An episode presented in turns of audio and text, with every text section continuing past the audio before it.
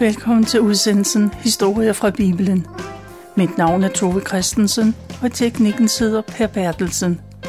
I dag fortæller jeg noget om Johannes Døber, som han er beskrevet i de fire evangelier i det nye testamente. Han fik den største og vigtigste opgave, et menneske kan få. Det er ikke sikkert, alle tænker på det, men Danmark, der fejrer vi Johannes Døber hvert år – det sker på hans fødselsdag, seks måneder før Jesu fødsel. Traditionelt fejrer vi det aften før den 24. juni. Johannes, som i den anledning bliver kaldt for Sankt Hans, fejres med bål og sang. Sankt Hans, eller rettere Johannes Døber, har sin egen historie. Den begyndte, da hans far, præsten Zacharias, stod i det hellige rum i templet. Englen Gabriel kom til ham og fortalte, at hans barnløse hustru Elisabeth skulle føde en søn. En søn, som de skulle kaldes Johannes. I det gamle testamente skriver flere profeter om en stor profet, der skulle fødes lige før Guds frelser kom til jorden. Blandt andet skrev profeten Isaias. Der er en, der råber, ban Herrens vej i ørkenen, jævn en vej for vor Gud i det øde land. Alle jøder var klar over, at Gud ville sende en særlig profet. Mange gik ud fra, at profeten Malakias, hans ord skulle gå bogstaveligt talt i opfyldelse. Han skrev, Se, jeg sender profeten Elias til jer, før Herrens dag kommer. Gud sendte ikke Elias i egen høje person, men der kom en, der havde samme budskab som Elias, nemlig omvend jer. Igennem hele det gamle testamente var der profeter, der på forskellige måder forudsag, at Gud en dag ville sende en frelser til jorden.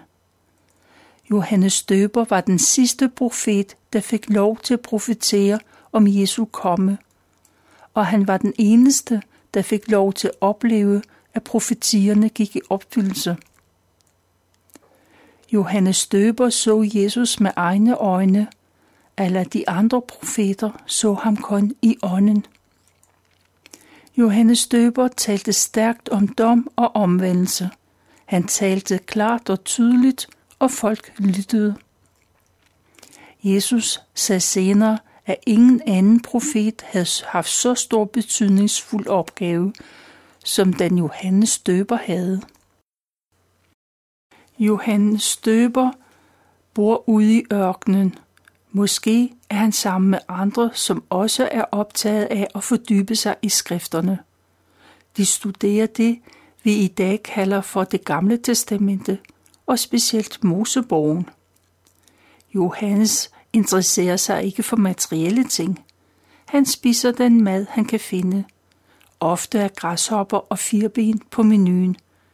Hvis han er heldig, finder han honning fra de vilde bier. Hans tøj er ikke af sidste mode. Hans kappe er vævet af det stive kamelhår, som man finder i totte, når kamelerne fælder – og så har han et læderbælte om livet. Kappen er ikke pæn, men den er varm i de kolde nætter. Derude i de øde og ensomme i omgivelser får Johannes sin uddannelse. Det er også derude, han begynder på sin livsopgave. En dag taler Gud direkte til Johannes. Han siger blandt andet, at Johannes skal komme til at se Helligånden dale ned over en mand, og det er den mand, der skal fuldføre det arbejde, som Johannes er begyndt på.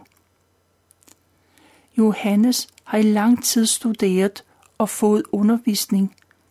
Nu skal han tale det, som Gud har åbenbaret for ham. Og Johannes går i gang. I begyndelsen taler han sikkert bare til få mennesker, nogen, der kommer ud i ørkenen til ham. Han taler klart og direkte. Johannes har en måde at sige tingene på, så man bliver nødt til at lytte. Det er meget usædvanligt, og der går ikke lang tid, for der kommer flere og flere. Nu er det ikke tilfældigt, men man kommer simpelthen for at lytte til Johannes. Man kommer fra omegnen og fra byer, der ligger lidt længere væk. Man kommer faktisk helt fra Jerusalem. Johannes siger, at de skal vende sig fra deres ondskab og lade sig døbe, og de vil få tilgivelse for deres synder. Han taler lige ind i den enkeltes situation. Skatteopkræverne får besked på, at de ikke op, må opkræve mere, end de må ifølge landets love. Han siger til soldaterne, at de ikke må tage krigsbytte. De skal nøjes med deres løn. Han taler til de konservative jøder, der kalder sig farisæerne. Han siger, at det ydre fromhed ikke er så vigtigt. Det er hjertets indstilling til Gud, der betyder noget. Og de liberale rationalister, sadukæerne, de skal begynde at tro på, at himlen virkelig findes, og Gud ønsker at være sammen med dem. Johannes taler ind i hver enkelt liv. Det de nu hver især har at kæmpe med. Johannes understreger, at der snart skal komme en, der har større magt, end han selv har. Han selv er helt ubetydeligt i forhold til ham, der kommer. Som et billede på det forhold siger Johannes, at han ikke er værdig til at knæle ned og løse remmen på hans sandaler. Når man er gæst i hjem, så får man taget sine sko af og vaske sine snavsede fødder. Det er en opgave, man normalt sætter en slave til. Johannes vil ikke engang sammenligne sig med en slave i forholdet til Jesus. Johannes står ofte ude i Jordanfloden. Han døber dem, der vil lægge deres liv om. På den måde viser de, at de vil vende, vende sig fra deres sønder og begynde at leve et lovlydigt liv. Der kommer mange til Johannes, men det er ikke alle, der har reelle hensigter. Der kommer flere præster, de vil vise om verden, at de også er med, hvad der sker. Men Johannes råber til de betydningsfulde mænd. Slangeyngel kalder han dem. Hvis de tror, at de kan slippe for Guds straf ved at lade sig døbe, så må de tro om igen. De kan ikke nøjes med at sige, at de tror på Gud.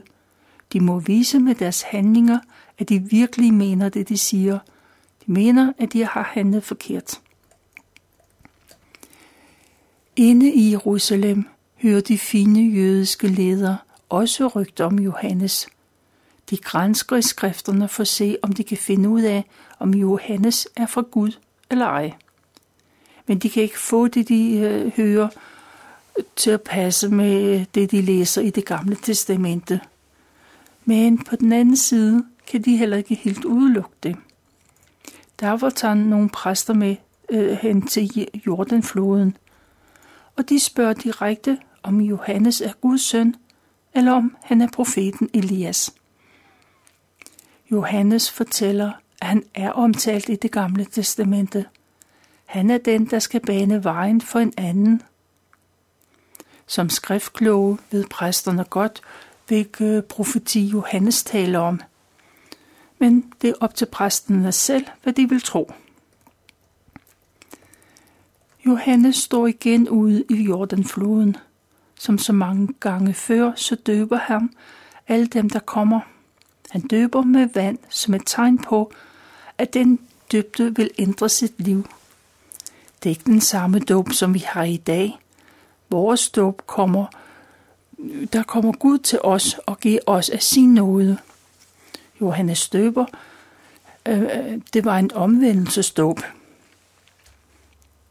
Der er samlet en flok omkring Johannes. De vil lære af ham. Nogle af dem bliver hans elever, eller disciple, som de bliver kaldt. Disciplene suger af den visdom, der kommer fra Johannes. En dag er Johannes som sædvanligt omgivet af sine disciple. Han taler til dem om Guds rige. Midt i en sætning, så afbryder han sig selv. Han peger på en mand, der kommer gående. Se der, siger han. Se, der kommer Guds land. Det er ham, der skal bære straffen for hele verdens synd. Johannes har aldrig set ham før, men alligevel ved han, hvem det er.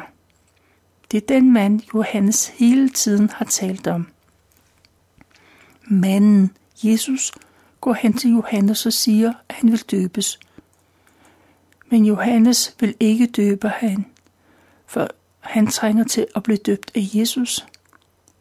Men Jesus overbeviser Johannes om, at sådan skal det være. Sammen går de to mænd ud i Jordanfloden, og Johannes døber Jesus. Lige i det øjeblik, Jesus kom op af vandet, så åbner himlen sig, og Guds ånd kommer ned fra himlen. Det ser ud som en due, der daler ned over Jesus. Samtidig lyder der en stemme fra himlen. Dette er min elskede søn.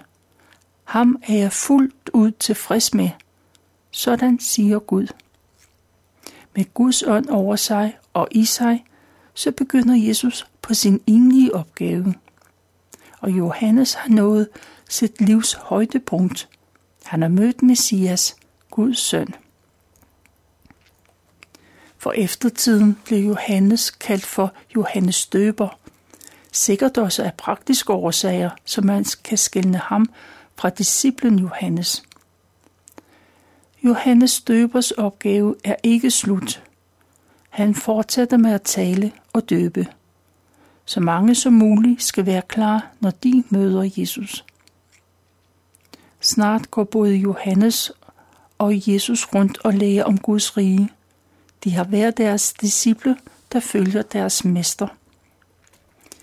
Johannes Døbers disciple bliver forvirret. De ser, at Jesus øh, døber. Det gør de ligesom de selv gør. Eller disciplene døber. Det er ikke Jesus, der døber, men disciple, Jesus disciple. Og så går øh, Johannes disciple til deres lærermester og spørger, hvordan det i virkeligheden forholder sig. Johannes døber forklarer, at de hver har deres opgave, men med tiden vil Jesu betydning blive større og større, og hans egen blive mindre og mindre. Johannes døber fortsætter med sin opgave med at fortælle, at folk handler forkert. Herodes Antipas, han er konge i Galilea-området. Han har et dårligt rygte blandt jøderne, blandt andet fordi han er skilt og lever sammen med sin brors kone. Johannes Støber påtaler øh, den umoral. Ganske som han har for vane, fortæller Johannes direkte, at det er en synd at leve med sin brors kone. Og kongen samlever Herodias, hun er fortørnet. Hun kan ikke lide, at andre siger, at hun har handlet forkert. Derfor går hun til kongen. Han skal sætte Johannes døber i fængsel. Herodes, Herodes Antipas, han lader sig overtale, og han sætter Johannes i slottets fangekælder. Faktisk vil Herodias have Johannes døber henrettet, men der sætter kongen grænsen. Kongen har ikke lyst til at slå Johannes døber ihjel, selvom han er bange for ham. Kongen ved, at Johannes er en retskaffen og hellig mand. En gang imellem lader kongen Johannes døber hente op i fangekælderen, og så sidder de to mænd og taler sammen. Kongen kan godt lide at tale med Johannes, selvom man ofte føler sig ubehageligt til mode over det, der bliver sagt. Johannes døber sidder i fængsel, og hans disciple kommer og fortæller, at Jesus bliver mere og mere kendt. Men han opfører sig ikke som en konge, der vil smide romerne ud i landet. I stedet for går han rundt og taler om Guds rige. Johannes døber kommer i tvivl. Er det virkelig Jesus, der er Guds søn? Johannes døber må have vidset, hvordan hænger det sammen?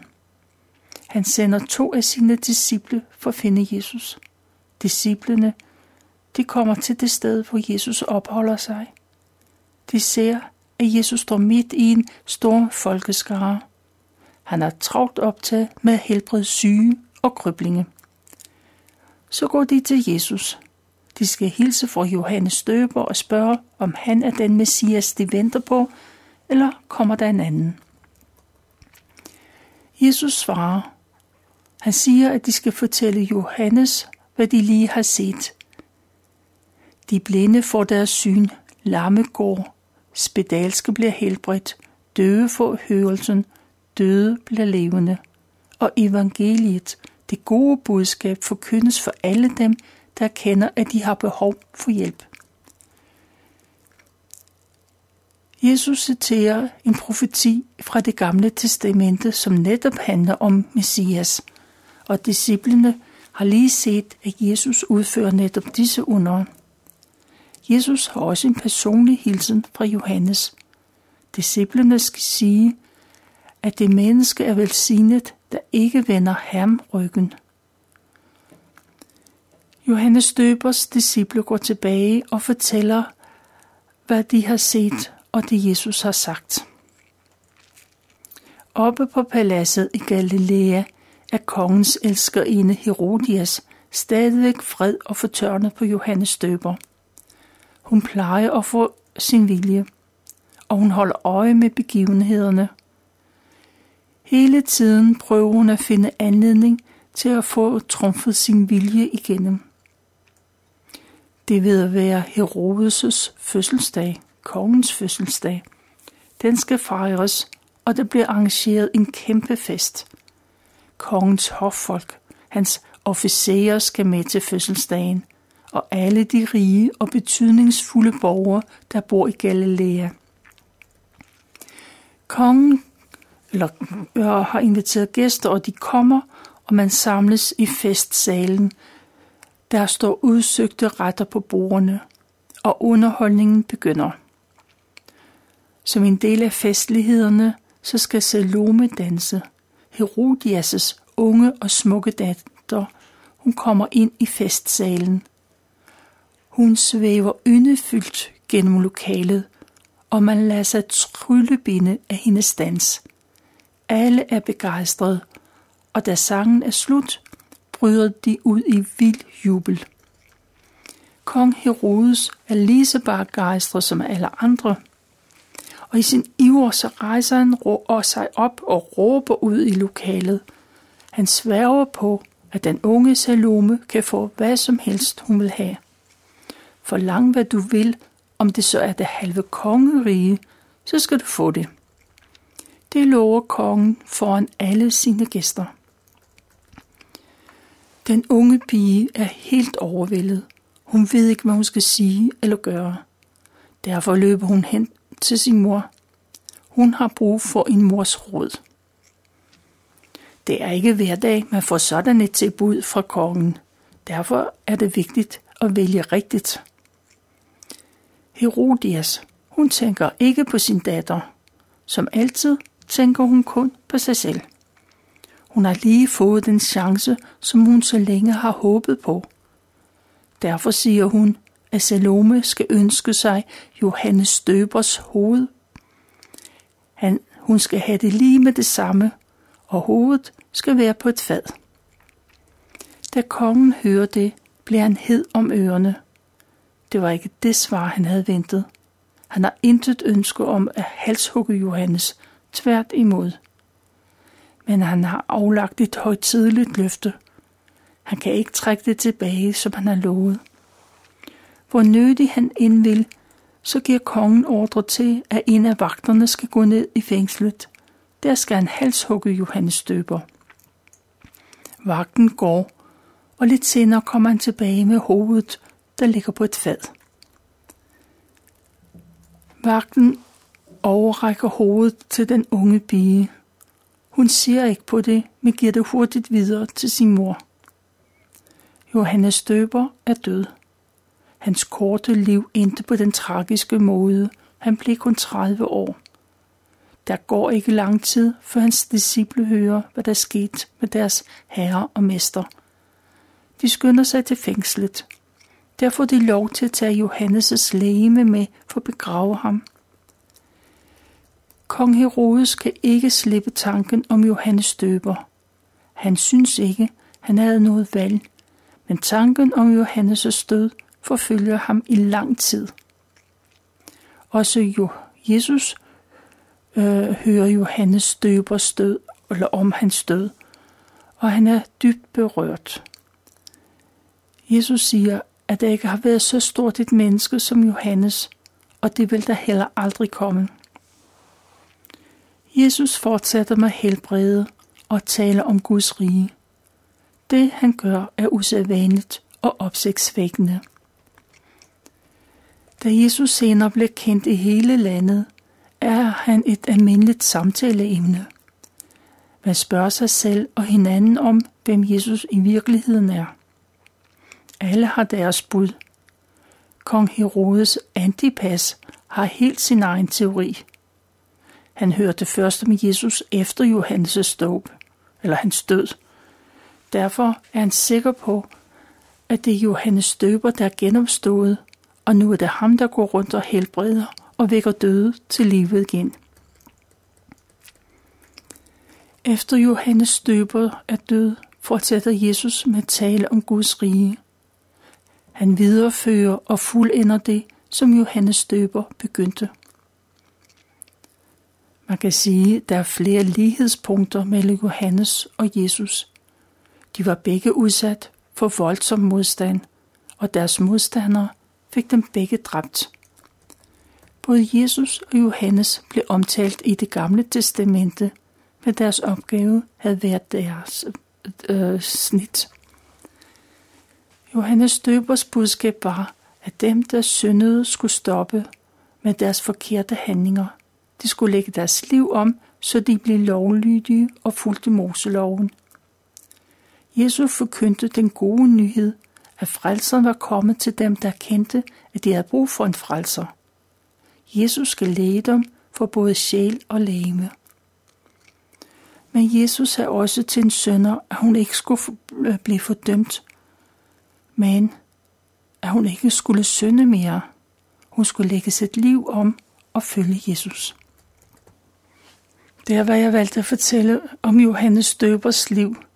Det er en beretning, der er hentet fra de fire evangelier –